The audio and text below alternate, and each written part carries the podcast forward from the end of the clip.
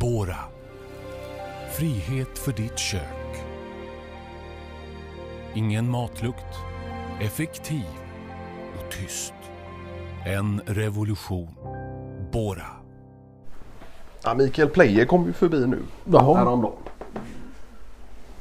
Sol, solbränd och Ja, ja. sådär och då hade han varit i Alperna. Jaha, Ja, okej. För han är ju lite känd för att ta sina eh, höstsemestrar just. ja,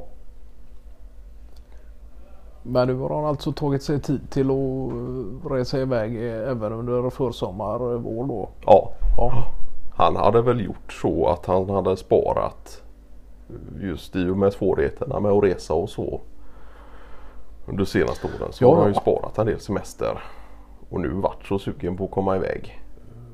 Nej, så han hade väl fått sig någon, någon nu var det ju inte allt för farligt men, men någon ja, om man nu kallar det alpbränna eller något med, med lite vitare runt ögonen och, och så där solglasögonen suttit då.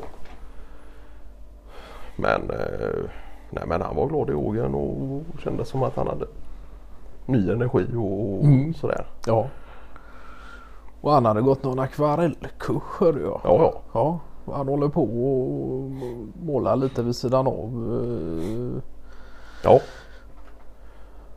Det ska ju fungera som eh, någon eh, lugnande metod just för honom då. Akvarellmåleriet. ja, ja. Och att han har gått lite sådana kurser. Ja, han har ju gått lite allt möjligt. Silversmide och... Ja, ja. Och sen hörde jag att du hade varit i kontakt med Stefan Kasta angående att ni eventuellt skulle ge er ut eh, något söderut för att testa på lite windsurfing. Ja,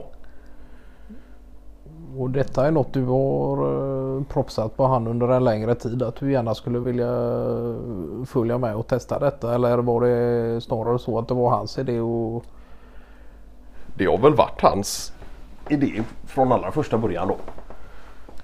Men sen har jag tyckt att det varit så mycket prat om detta va? och lite verkstad för han är ute och flyger Ja, ja. och flänger och aldrig finns det tid och sådär va. Eh, Och då sa jag det att vill du ha med mig någon gång så är det ju nu då. Eh, Så vi åker till Varberg nästa vecka då. Ja. Och detta är någon tanke att stanna över en kväll och spisa lite. Ja det här blir väl en fredag till söndag då. Jaha. Där är väl tanken att lägga windsurfingen på lördag Ja, ja. och så på fredag vara mer inriktade mot Någon eh, trevligare måltid kanske. Ja. eh, I och med att ni antagligen eller i vilk- vilket fall du har ju mm, schemalagd tid på arbete och hinner väl först fram till eftermiddag afton. Ja. Eh, Ja. Men är det lite bundet till väder då eller ger ni er ut i ur och skur? Och... Nej det är klart att du har ju våtdräkt och sådär. Ja. Det här är ju kitesurfing då. Men det är klart att skulle det blåsa på allt för mycket då får man väl stanna inne på kusthotell eller ta sig någon tur i stan där och ja. så. Men du har aldrig testat på detta innan någon gång? Nej, nej. Och det är första gången? Ja, Det är klart att det är lite pirr i magen och Ja. ja. Men Kasta han är väl inget proffs i det anseendet. Men han har Nej, nej. ju testat på det en hel del och kan grunderna och ja, ja. Och kanske framförallt från sina yngre dagar där. Jag tänker när han i tidiga 20-årsåldern där var han ju lite reseledare ja, ja. i Sydeuropa och sådär. Och, och har väl haft olika typer av surfing eh, närvarande genom livet då. Sen gick han över I sena 20-årsåldern gick han väl över mer till att hålla på med mm, nästan enkom hålla på och scuba-diva och, Ja, ja. och fastnade för det istället. Men det har han inte gjort på ett jäkla tag. Nej, det var nog länge sedan nu.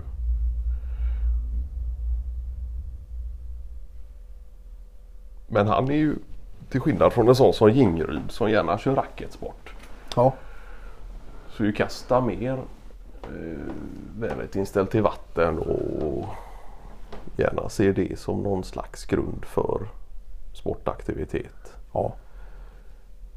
Ja just det för det har ju egentligen aldrig varit någon större fråga om någon bollsportsaktivitet när det kommer till kasta utan det är ju som du säger där att det har mer varit sådant som är relaterat kanske främst till vatten då eller, eller eh, natur eh, Ja. överlag. Ja. Ja. Och där har han ju provat på en jävla massa olika typer av vattensporter egentligen. Och det har ju paddlats i forsränningar och Ja, ja. sådär.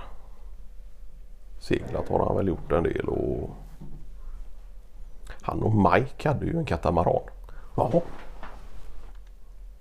Och detta i samband med deras uh, leasingverksamhet eller eh, Ja, att de kunde ha tillgång till den typen av fordon i och med den. ja. Ja. ja Mike var ju en jävla rolig kille. Har jag inte sett på vad kan det vara 15 om inte 20 års tid. nej. Men där- han bara försvann. Och...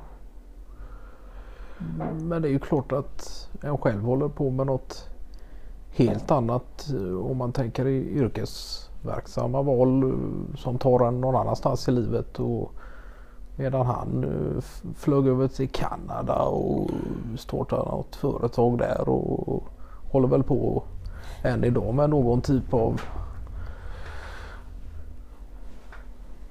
friluftsverksamhet kopplat till någon typ av leasinguthyrning då. Ja. Och sen var väl så blir det ju också att när, när Mike och Kasta eh, bröt upp deras samarbete. Ja. Och det var ju egentligen inga Det uppstod ju inte några ja, problem där. Det var ju mer att de drog åt olika håll. ja, just det. Och i och med att Kasta var länken mellan oss och Mike. Då innebär det också att man kanske tappar mer kontakt med. Ja, men det är ju klart. Så, så är det ju.